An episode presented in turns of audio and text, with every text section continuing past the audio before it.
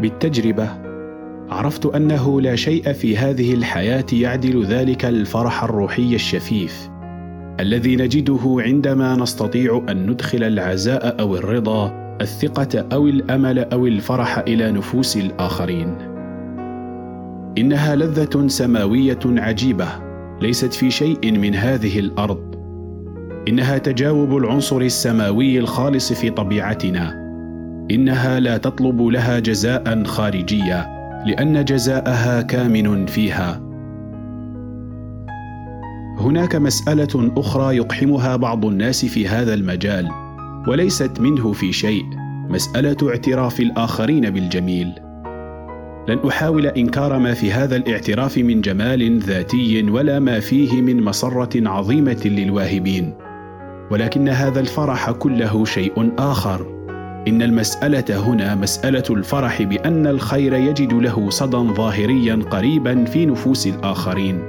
وهذا الفرح قيمته من غير تلك لأنه ليس من طبيعة ذلك الفرح الآخر الذي نحسه مجردا في ذات اللحظة التي نستطيع أن ندخل فيها العزاء أو الرضا الثقة أو الأمل أو الفرح في نفوس الآخرين. إن هذا لهو الفرح النقي الخالص الذي ينبع من نفوسنا. ويرتد إليها بدون حاجة إلى أي عناصر خارجية عن ذواتنا. إنه يحمل جزاءه كاملا لأن جزاءه كامن فيه.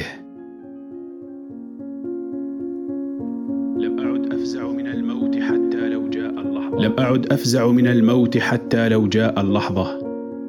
لقد أخذت في هذه الحياة كثيرا. أعني لقد أعطيت. أحيانا تصعب التفرقة بين الأخذ والعطاء لانهما يعطيان مدلولا واحدا في عالم الروح. في كل مرة أعطيت لقد أخذت. لست أعني أن أحدا قد أعطى لي شيئا إنما أعني أنني أخذت نفس الذي أعطيت لأن فرحتي بما أعطيت لم تكن أقل من فرحة الذين أخذوا. لأن فرحتي بما أعطيت لم تكن أقل من فرحة الذين أخذوا. لم أعد أفزع من الموت حتى لو جاء اللحظة. لقد عملت بقدر ما كنت مستطيعا أن أعمل. هناك أشياء كثيرة أود أن أعملها لو مد لي في الحياة. ولكن الحسرة لن تأكل قلبي إذا لم أستطع. إن آخرين سوف يقومون بها.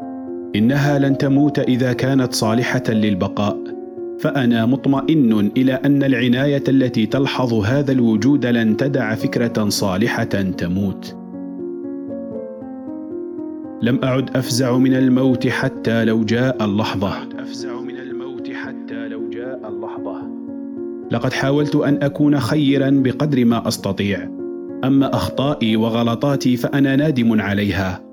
إني أكل أمرها إلى الله وأرجو رحمته وعفوه. أما عقابه فلست قلقا من أجله فأنا مطمئن إلى أنه عقاب حق وجزاء عدل. وقد تعودت أن أحتمل تبعة أعمالي خيرا كانت أو شرا. فليس يسوءني أن ألقى جزاء ما أخطأت حين يقوم الحساب. أن ألقى جزاء ما أخطأت حين يقوم الحساب.